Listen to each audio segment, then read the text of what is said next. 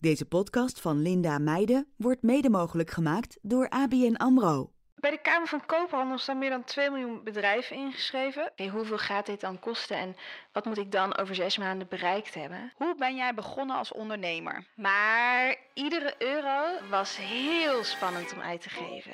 Hey allemaal, dit is een heel speciaal seizoen van Meiden de podcast. Meiden maken money! Want wie wil dat nou niet? Geld op de bank. We hebben vast wel zin om die money uit te geven aan dure spullen, maar we willen vooral financieel onafhankelijk zijn. Om te kunnen dromen van bijvoorbeeld een koophuis, een eigen business of omdat we ons willen voorbereiden op de toekomst. Wat je reden ook is, je moet wel weten hoe je moet budgetteren, investeren, beleggen, sparen, ondernemen, noem het maar op. In deze podcast gaan we dat allemaal bespreken. In vier afleveringen gaan we het hebben over beleggen, sparen, hypotheken en je eigen business beginnen. Mijn naam is Jillis Cicek, ik ben hoofdredacteur van Linda Meijden en ik ben jullie host. Naast mij aan tafel zit altijd een toffe en inspirerende gast die meepraat. En ook hebben we elke aflevering een financieel expert van Ameen AMRO in de studio... die ons handige tips kan geven en vragen beantwoordt. Kabi van de Meiden-redactie is ook weer van de partij met alle facts en figures. Genoeg om te bespreken. Laten we beginnen. Vandaag gaan we het hebben over ondernemen. Een business opzetten, een eigen bedrijf met personeel... of zelfstandige zonder personeel, een ZZP'er zoals we dat noemen... Wat ga je doen als ambitieuze jonge vrouw, of man natuurlijk? Ga je voor een baas werken of ga je voor jezelf beginnen? Ga je je dromen achterna? Wat zijn je dromen dan? We gaan het er allemaal over hebben. Maar ook waar ga, wat komt er dan bij kijken? Dus nadat je je hebt ingeschreven bij de Kamer van Koophandel, wat ga je dan doen? Hoe ga je nou echt beginnen? Nou, daarover gaan we praten met onder andere Emily Sobels. Hoi, leuk Hallo. dat ik hier vandaag mag zijn. Ja, superleuk dat je wilde aanschuiven. Eh Emily is zelfstandig ondernemer. Eh, ze organiseert onder andere de Selfmade Summit, waar ik onlangs heb gesproken.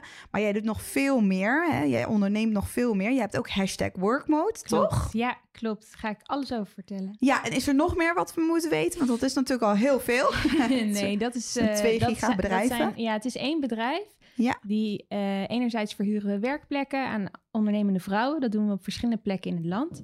Ja. Ehm, met verschillende coworking space kantoren. Dat is echt hashtag workmode. De locaties zijn dat. En anderzijds organiseren we één keer per jaar de Selfmade Summit. Dus het business event voor ambitieuze vrouwen. En dat eh, valt allemaal onder dezelfde vlag. En onlangs hebben we onze derde tak opgericht. En dat is onze eigen hashtag workmode agency. eh, waarmee we allerlei toffe campagnes opzetten voor, voor merken. Tof. Tof, tof. Nou, daar gaan we het zo meteen allemaal over hebben. Eh, iemand die ook heel veel weet over ondernemen en die ons meer kan vertellen, dat is Kamalika Patra van ABN AMRO. Hi, eh, fijn Hoi. dat ik er vandaag bij mag zijn. Ja, want jij hebt eh, niet alleen heel veel met ondernemen, maar ook een soort tech hè, kant heb jij, zit jij op. Aangezien dit Meiden maken money heet, eh, zit natuurlijk ook veel money aan de tech kant. Dus ik vind dat super, super leuk dat je erbij bent. En iemand die er natuurlijk weer bij is, zoals alle seizoenen, alle afleveringen, dat is Gabi. Hallo. En jij hebt voor ons straks allemaal facts en figures die jij met ons gaat delen, toch? Yes. Leuk, leuk, leuk, leuk. Ehm Emily, ik wil met jou even beginnen, want ehm, misschien kennen mensen je al, want je doet natuurlijk hartstikke veel. Maar hoe ben jij begonnen als ondernemer? Nou, het ligt er een beetje aan of je kijkt naar 2015 of dat je kijkt naar 2010. Volgens mij is dat ook ongeveer de tijd dat wij elkaar hebben ontmoet. Dat denk ik, ja, ja. We, we gaan al... eh, een- Way, way back. In 2010 eh, kwam ik in contact met een aantal internetondernemers, jonge, jonge gasten. En die wilden zich meer gaan richten op de e-commerce. Ik studeerde net aan het Amsterdam Fashion Institute, was eh, een jaar of 21. En ik zocht een bijbaan. Ehm, en ik dacht, ik wil een relevante bijbaan eh, eh, zoeken. Dus iets waarbij ik niet, niet alleen mijn geld verdien voor mijn studentenkamer... en waarmee ik mijn opleiding kan betalen... maar ook echt waarmee ik kennis en ervaring opdoe... en misschien ook wel een netwerk ga uitbouwen. Dus zo eh, kwam ik met hen in gesprek en mocht ik aan de slag als blogger in eerste instantie. En al heel snel groeide dat bedrijf heel erg hard. Eh, en omdat ik hun eerste medewerker was, mocht ik over allerlei dingen meebeslissen. En voelde die periode, ik heb daar uiteindelijk zes jaar gewerkt, echt een beetje als ondernemen. Eh, dus ik voelde me ondernemer, maar ik was het eigenlijk niet. Dus het, Mhm. het, ik, ja, hoe ik het nu omschrijf is ondernemen met zijwieltjes. Eh, dus ik mocht wel mijn eigen team samenstellen, had alle vrijheden die bij het ondernemen ook horen, kon mijn eigen dag helemaal indelen. Ehm, maar ik kreeg wel gewoon mijn, eh, mijn salaris aan het eind eh, van de maand op mijn rekening. Mhm. En toen ik uiteindelijk daar wegging, toen ben ik echt gaan ondernemen. Dus in 2015, als ik het goed heb, zei ik mijn baan op. Wat toen een hele spannende stap was, want ja, ik had een vast contract. We zaten toch nog in de crisis. Eh, ik was net afgestudeerd en al mijn eh, klasgenootjes die konden geen baan krijgen, dus die moesten met stages beginnen. En ik zei al mijn zekerheden op om eh, het avontuur Ja, te gaan. Ja. Ja. Dus, dus zo ben ik een beetje begonnen met ondernemen. Ja, Ja. maar dat, dat lonkte zo erg dat je dacht, ik ga gewoon de sprong nemen. Ik ga het gewoon wagen. Ik merkte vooral dat ik niet meer helemaal op mijn plek zat in dat bedrijf. Dus Ja. ik, ik had daar zoveel geleerd, zoveel mensen leren kennen, zoveel eh, interessante projecten mogen leiden. Maar het bedrijf ging een kant op die niet helemaal meer bij mij paste. En ik voelde niet meer diezelfde spark als in het begin toen ik daar ging werken. Het, het voelde niet meer echt als mijn bedrijf. Ehm, en het alternatief was bij een ander bedrijf eh, gaan werken. En ook dat trok me niet helemaal. Ik wist gewoon niet goed welk bedrijf dat dan moest zijn. En ik had wel eens van mijn werkgever gehoord dat ik een autoriteitsprobleem heb. Ehm, ja, ik had eigenlijk ook het gevoel dat ik een beetje verpest was om voor een werkgever te werken, omdat ik al zo jong al die vrijheden had. Ja, Ehm, ik. dat ik het heel lastig vond om, eh, om dan weer in het gareel te gaan. Zo voelde dat althans een beetje voor mij. Eh, dus ik dacht, ik zeg in elk geval mijn baan op. En dan ga ik gewoon kijken wat het leven me brengt. En ik merkte zodra die deur dichtging, stroomden de ideeën bij me binnen. Dus ik had nog niet echt een concreet plan, behalve van ga maar gewoon kijken. Je bent jong, ehm, je hebt nu de kans om te ontdekken wat je dan wilt gaan doen. En binnen no time eh, had, ik, eh, had ik het idee voor hashtag workmode uitgedacht. En waren we open en draaiden we. En ja, ging Ja. dat eigenlijk heel erg snel. en eh, want toen was je denk ik 25 of zo dan, toch? Ja, of 26, zoiets, 26, Ja, ja. zoiets. Oké, Ja. ja. dus dat was een paar jaar later. Hey, en ehm, een hele praktische vraag hoor. Want eh, ik denk dat heel veel eh, mensen misschien met dat idee rondlopen. Misschien zoals jij ook al, hè, van als ik, ik wil eigenlijk hier ben ik niet helemaal meer op mijn plek. Hoe ver van tevoren was je, was je dat echt gaan uitdenken en ging je misschien een buffer opbouwen of zo natuurlijk, om die stap te kunnen nemen? Ja, dat is natuurlijk wel heel belangrijk, want als je gaat stoppen, dan heb je natuurlijk ineens geen inkomen meer. klopt. En ik zat eh, onderweg hier naartoe daar ook nog over na te denken. Ik had dat spel misschien nog veel slimmer kunnen spelen. Dus ik, Ja. ik, ik had misschien toen ik mijn eh, baan opzij, had ik allerlei eisen kunnen stellen van Hm. ik wil zoveel geld mee of ik wil een vaststellingsovereenkomst of weet ik veel wat. Heb ik allemaal niet gedaan. Daar was ik te onervaren voor en ik wilde gewoon weg vooral. Ja, Ehm, maar omdat ik dus altijd tijdens mijn studententijd die eh, functie had, verdiende ik al best wel jong, best wel goed. Dus ik had die buffer al best wel opgebouwd. Ja. Ehm, heb dat eh, keurig netjes op mijn spaarrekening gezet. Eh, ging natuurlijk wel, net als iedere student, ook flink feesten.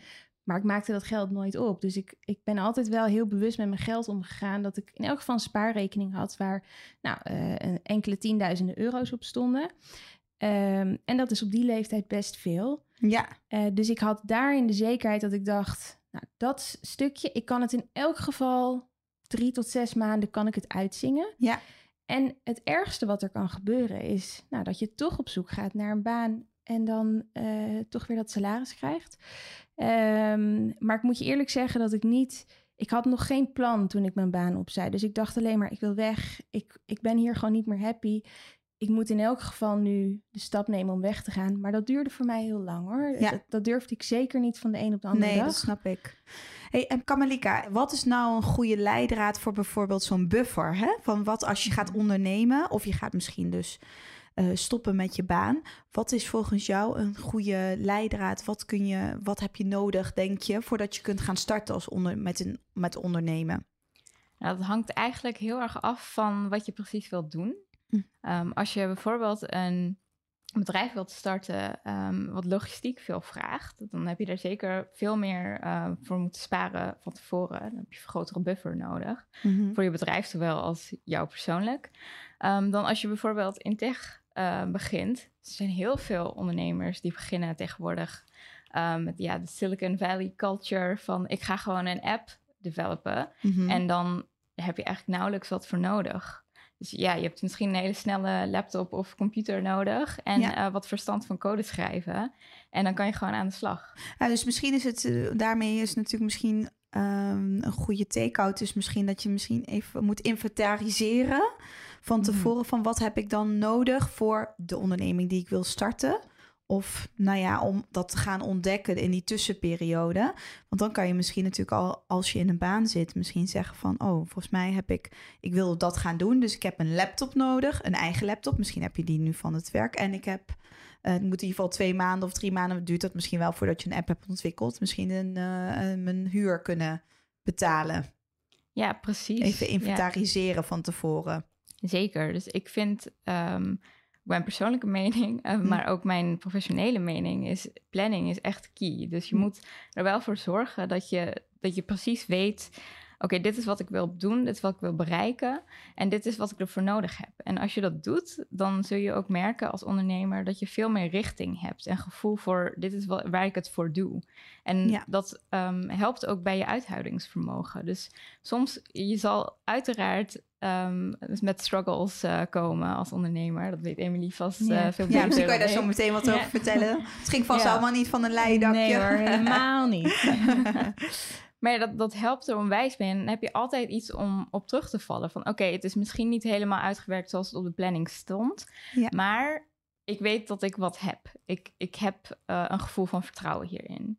Dus ja. dat, dat helpt heel erg. Ja. ja. Ja, en ik denk dat als je in een Excelletje heel simpel of gewoon met bullet points onder elkaar zet, dit zijn al mijn maandelijkse vaste lasten en ik wil uh, in minimaal drie of zes maanden vooruit daarmee kunnen, dan kun je natuurlijk al een goede rekensom maken van wat je dan minimaal nodig hebt. Ja. En dat geeft inderdaad heel veel vertrouwen. Ik heb dat toen ook gedaan. Ik ben gewoon met mijn vader gaan zitten. En die zei: Oké, we gaan een zonnig scenario schetsen. En we gaan een wat meer bewolkt scenario schetsen. Als de zaken niet zo goed gaan als dat je hoopt. En dat gaf mij heel goede leidraad in van: Oké, hoeveel gaat dit dan kosten? En wat moet ik dan over zes maanden bereikt hebben? Ja. Uh, dan, is het, dan, dan voelt het minder groots dan wanneer het zo ja, ja in je hoofd alleen maar zit. Precies. Dus dat het gewoon ergens op papier ja, staat. Absoluut. Hey, en uh, nou ja, toen ging jij waarschijnlijk beginnen met het bedrijf. Hè? Dus uh, dan ging je misschien, uh, was daar ook een investering voor nodig. Of in ieder geval. en toen ging je een investeerder zoeken. Heb je dat opgeschreven? Maakte je een businessplan? Hoe, waar begon je mee?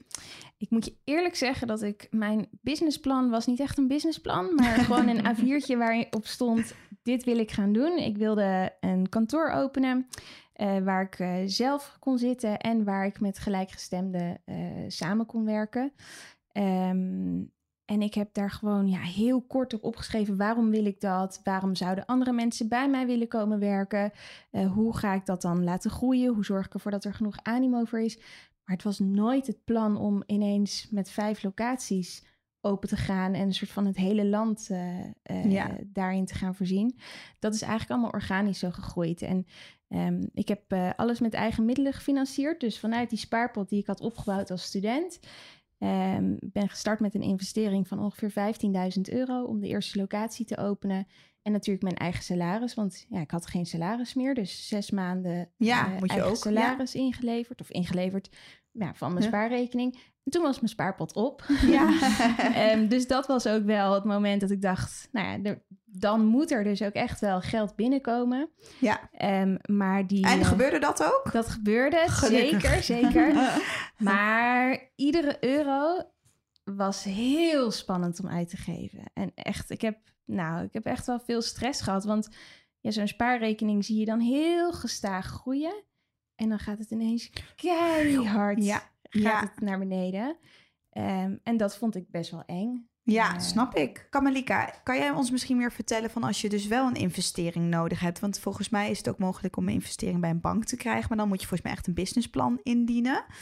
Um, ja. Kun je meer vertellen over van wat je misschien zou kunnen... Waar kan je dan mee beginnen met misschien dat businessplan? Of wat heb je daarvoor nodig, denk je? Nou, ik zou zeggen, um, ik zou beginnen met een product vision. Dus wat wil jij precies bereiken met jouw product? En is daar ja. markt voor? Dus doe je marktonderzoek. Um, kijk of er klanten zijn die überhaupt jouw product willen. Je, mag, je kan zelf als ondernemer onwijs enthousiast zijn over je product. Maar als anderen het niet willen, dan is het gewoon niet feasible. Um, dus doe dat. Ga ook spreken met mensen. Ga echt de straat op en um, vraag mensen van wat denk je hierover? Is dit iets wat jij zou kopen? Um, en ja, met je product vision kijk je ook naar wat is de klantdoelgroep die ik wil bereiken? Ja. En is dat een klantdoelgroep die groot genoeg is om mm-hmm. mijn bedrijf tot stand te brengen? Of is het uh, zo'n niche groep dat, um, dat misschien niet helemaal goed is voor een, een groot bedrijf, maar misschien kan je daar wat anders mee. Ja. Misschien wordt het dan een side business of zoiets. Ah, dat, ja, dat vind ik ook wel een hele goede tip. Want ehm, dat leerde ik, dat is wat anders. Maar ik werkte een tijdje bij een PR-bureau. Toen moest ik elke week met iemand die ik niet kende op de koffie. Nou, dat Mhm. vond ik natuurlijk echt doodeng. Maar die mentaliteit van nee heb je, ja kun je krijgen. Je kunt het altijd vragen of je met iemand op de koffie kan. En die interessant is of misschien in jouw netwerk zit. Of ehm, die is voor ondernemen, heb ik die ook altijd heel waardevol geacht. Van oké, ga met mensen praten. Dan kan je ook meteen toetsen of het werkt. Ja, En dan kan je de het- reactie toetsen. Precies, ja, ja. Kijken hoe iemand eh, erop reageert. Ja, en eventueel ook feedback ophalen meteen. Ja. Eh, Hey, en Emily, heb jij dat ook gedaan? Of dacht jij gelijk van, dit is de gouden... Sorry, maar dit is, eh, ik hoef niemands idee en mening te weten. Dit is gewoon een gouden formule. Nee, ik heb zeker in eh, nou, die eerste tijd dat ik bij die start-up waar Ja. ik zes jaar heb gezeten, heb ik eindeloos veel koffie gedaan met Ja. allerlei mensen. Ja, want wij hebben daardoor ook toen Ja, koffie gedaan. Weet je nog? Dat was eh, ook mijn tijd dat Ja. ik koffies aan het doen was. En eh, ja,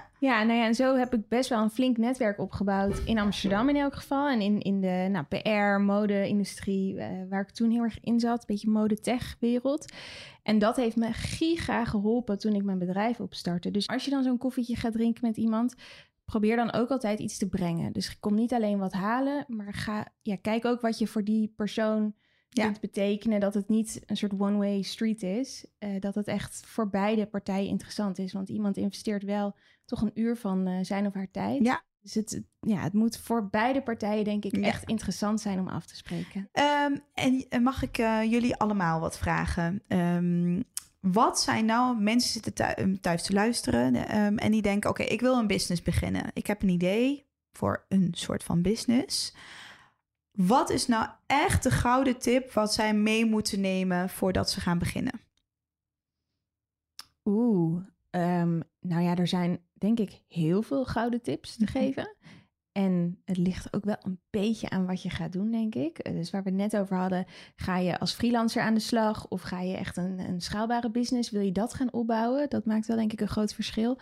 Ehm, maar in elk geval wat ik denk, en zeker op jonge leeftijd, als je dus eh, nou, misschien nog geen kinderen hebt, nog geen hypotheek misschien hebt, ga het proberen. En dat is eh, dat klinkt een beetje als een dooddoener die, die mensen misschien vaak wel hebben gehoord, maar ga maar gewoon. En bedenk je elke keer weer, wat is het ergste dat er kan gebeuren? Ja. Ehm, dus probeer die, eh, eh, als je iets spannends vindt, probeer dat te relativeren. Want uiteindelijk, ja, je kunt op je bek gaan en je kunt heel veel geld verliezen. Maar is dat echt het allerergste? Eh, moet je dan onder een brug slapen? Ik denk het niet. Ik denk dat je altijd nog bij vrienden op de bank kunt crashen. Of misschien wel bij je ouders weer even een paar maanden kunt gaan zitten. Maar heb je een tof idee? Ga er echt voor en ga het proberen. Want dit is het moment. Als je op een gegeven moment wat ouder bent, is het echt veel moeilijker om zulke grote risico's te nemen. Ja, laatst luister ik ook een andere podcast. Ben even vergeten welke het was. Ehm, oh jawel, eh, de Gold Diggers podcast, maar dan de, de, de Amerikaanse versie van Jenna. Nou ja, Kutcher heet zij volgens mij. Ehm, en zij zei ook van jongens, hè, we, eh, ehm, vaak gaan we pas beginnen als we denken... oké, ik heb een website die super flashy is. Ik heb een huisstijl van Mm. je welste.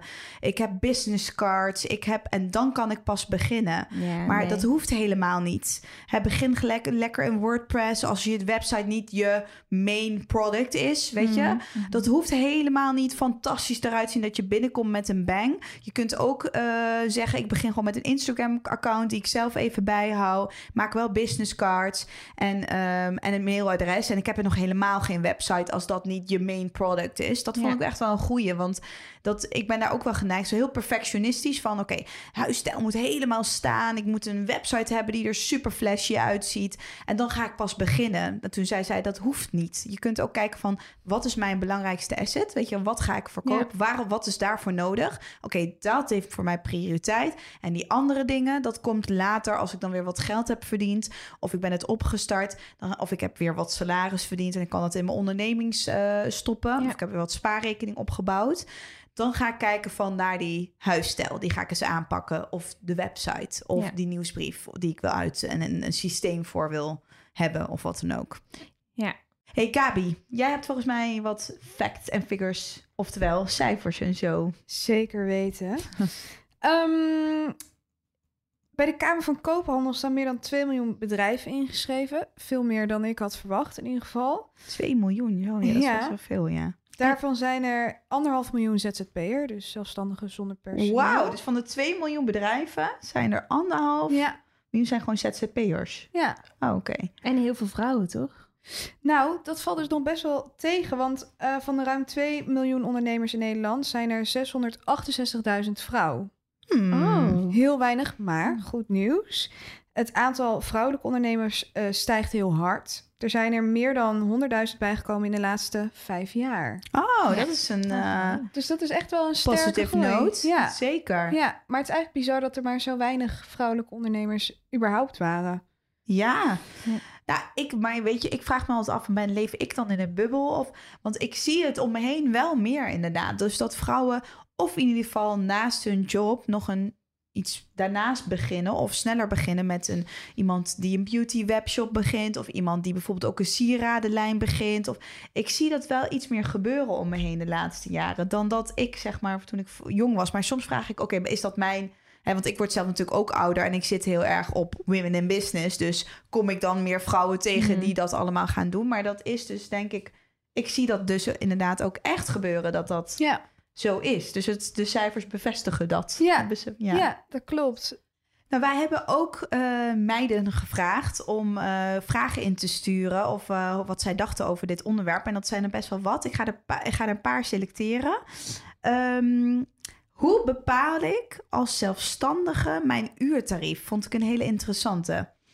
Omdat ik zelf ging ik daar direct op aan, omdat ik vroeger daar ook zelf zat ik ook daarmee een beetje te struggelen, want ik begon ook als eh, freelancer. En wat ik in ieder geval bedacht van oké, dit wil ik echt meegeven, ga gewoon met mensen praten dus bij die koffie en vraag gewoon vrouwen onder elkaar. Het is zo belangrijk dat dat genormaliseerd wordt, dat we gewoon met elkaar geld bespreken, zo belangrijk. Absoluut. Je gaat Ja. je, je- volgens mij vind je jezelf automatisch altijd minder waard omdat je bang bent om te veel te vragen. Precies. Ik denk Terwijl dat je dat bent een- veel meer waard dan wat Ja. je normaal denkt. En schaam je vooral ook niet voor hoeveel je vraagt. Nee. Jij weet wat je Mhm. kan, dus Ja, wat je waard bent. Ja.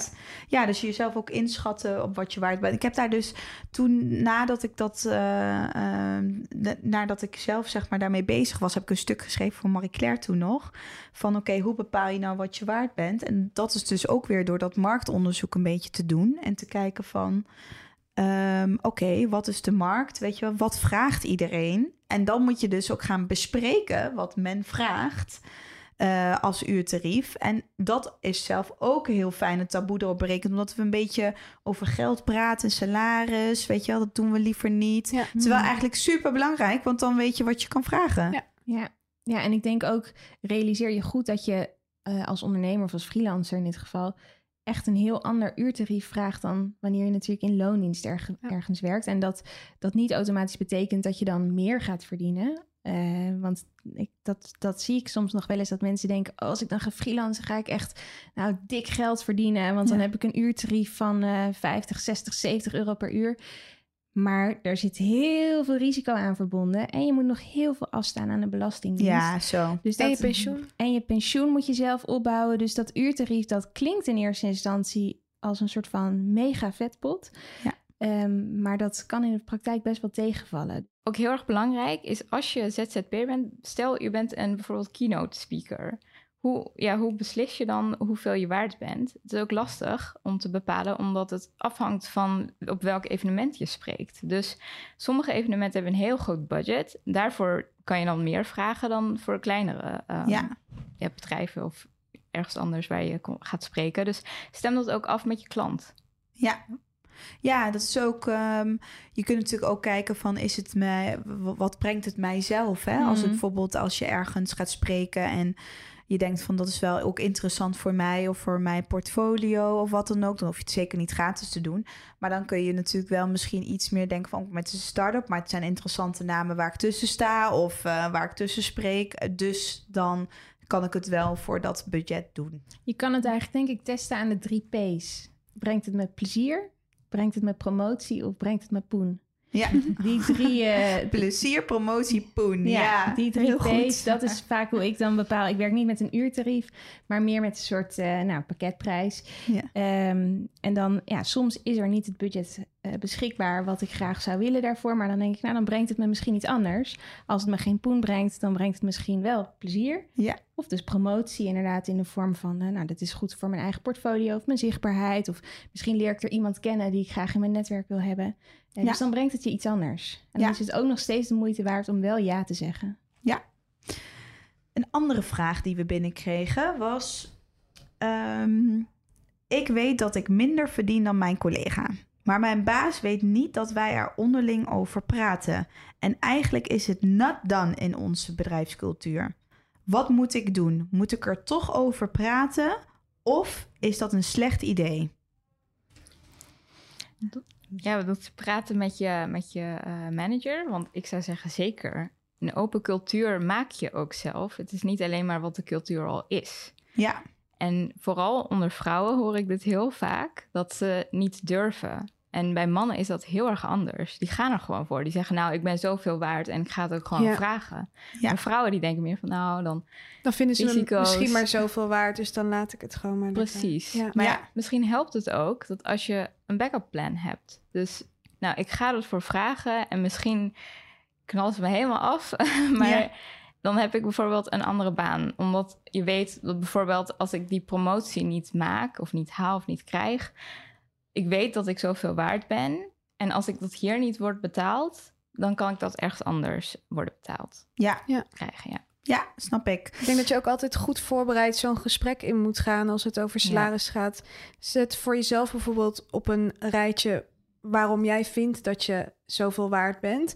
Niet alleen maar, hey, ik hoor dat mijn collega zoveel verdient, dus ik, wil moet dat, dat ook ook, verdienen. Ja. Want dan kunnen ze altijd zeggen, ja, maar zij doet dat of dat. eh, Of Mhm. zij werkt hier langer of zij is ouder of whatever.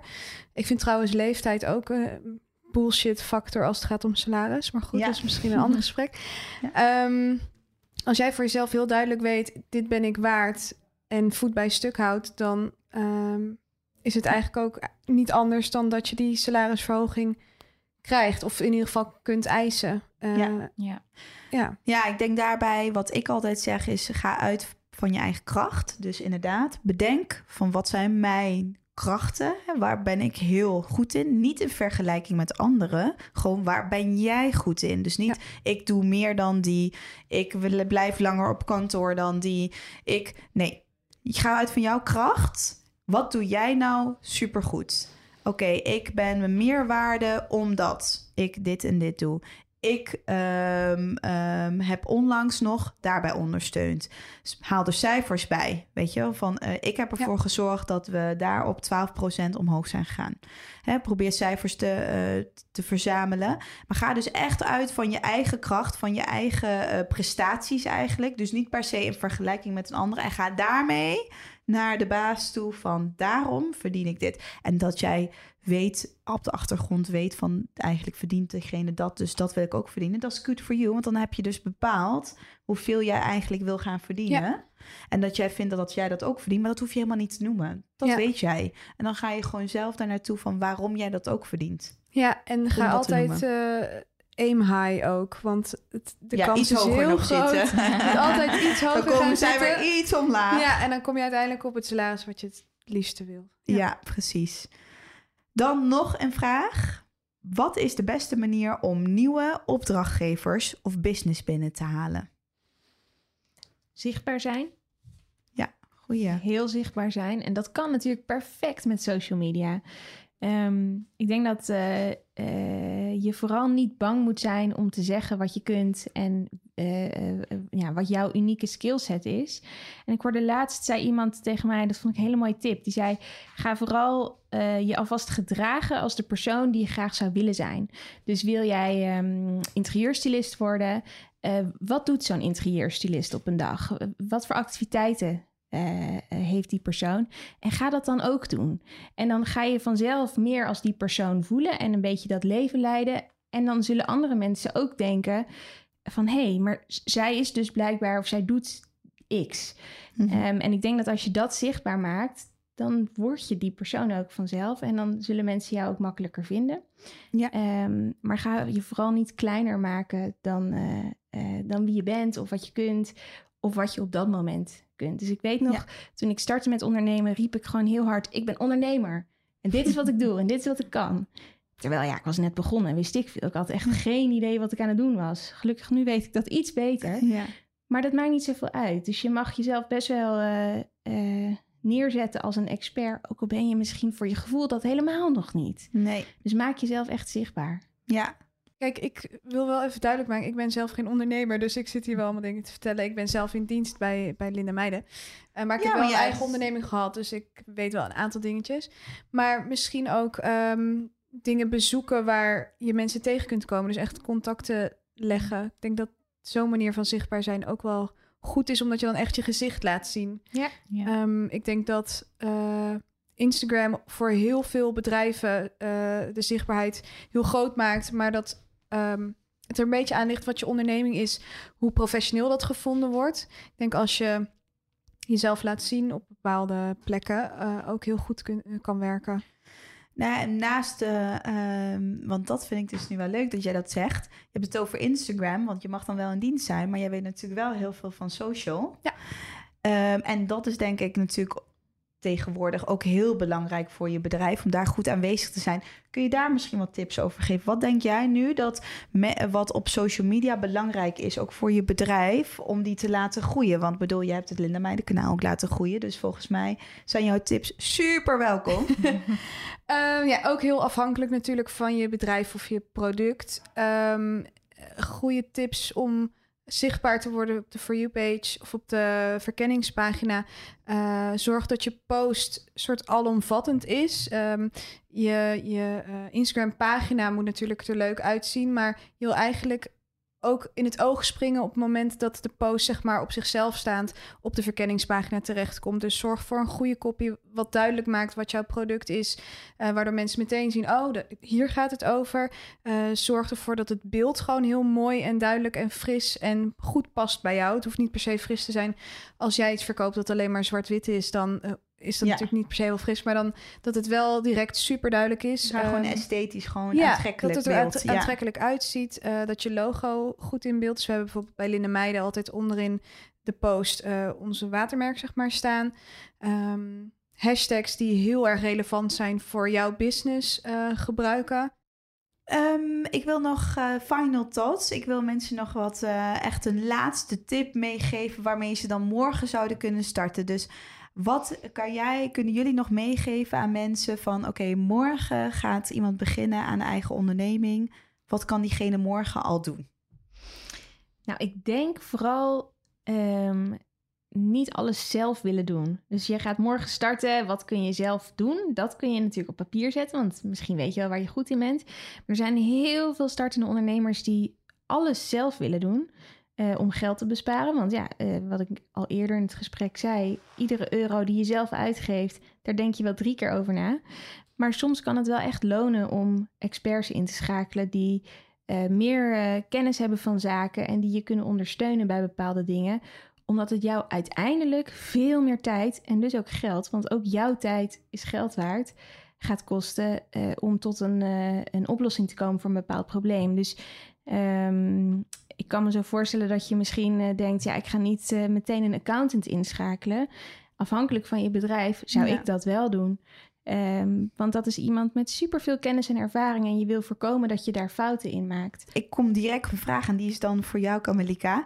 Want waarin kan ABN dan bijvoorbeeld ondersteunen? Waarom kunnen ondernemers bij, waarvoor kunnen ondernemers bij ABN goed terecht? Als ze dus expertise op welk gebied zoeken? Ja, dus ehm, we hebben sowieso al, schrijven we ook wel veel vanuit sector research over wat jij als ondernemer kan doen en als eh, ZZP'er. Ehm, en ik denk ook, we kunnen heel goed helpen bij scenario planning bijvoorbeeld. Dus wat, wat voor risico's kun je jezelf tegen beschermen?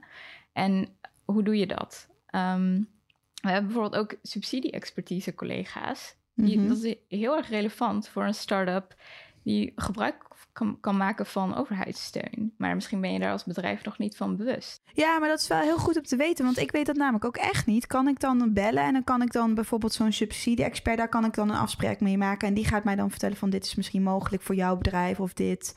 Dat is ook mogelijk bij ABN. Ja, dus een hele goede, uh, ja, mooi uitgangspunt is uh, ga naar de website van voor jezelf starten op abnamro.nl. Ja, Oké, okay, nou dan ga ik jullie allemaal bedanken, jongens. Dankjewel dat jullie hier wilden zijn en dat jullie alle je tips en uh, kennis met ons wilden delen en dat, uh, dat we je brein mochten pikken. Ik hoop dat jullie het leuk vonden en ik hoop dat jullie heel veel tips uh, hebben opgeschreven. En zo niet, dan kun je die online ook nog vinden.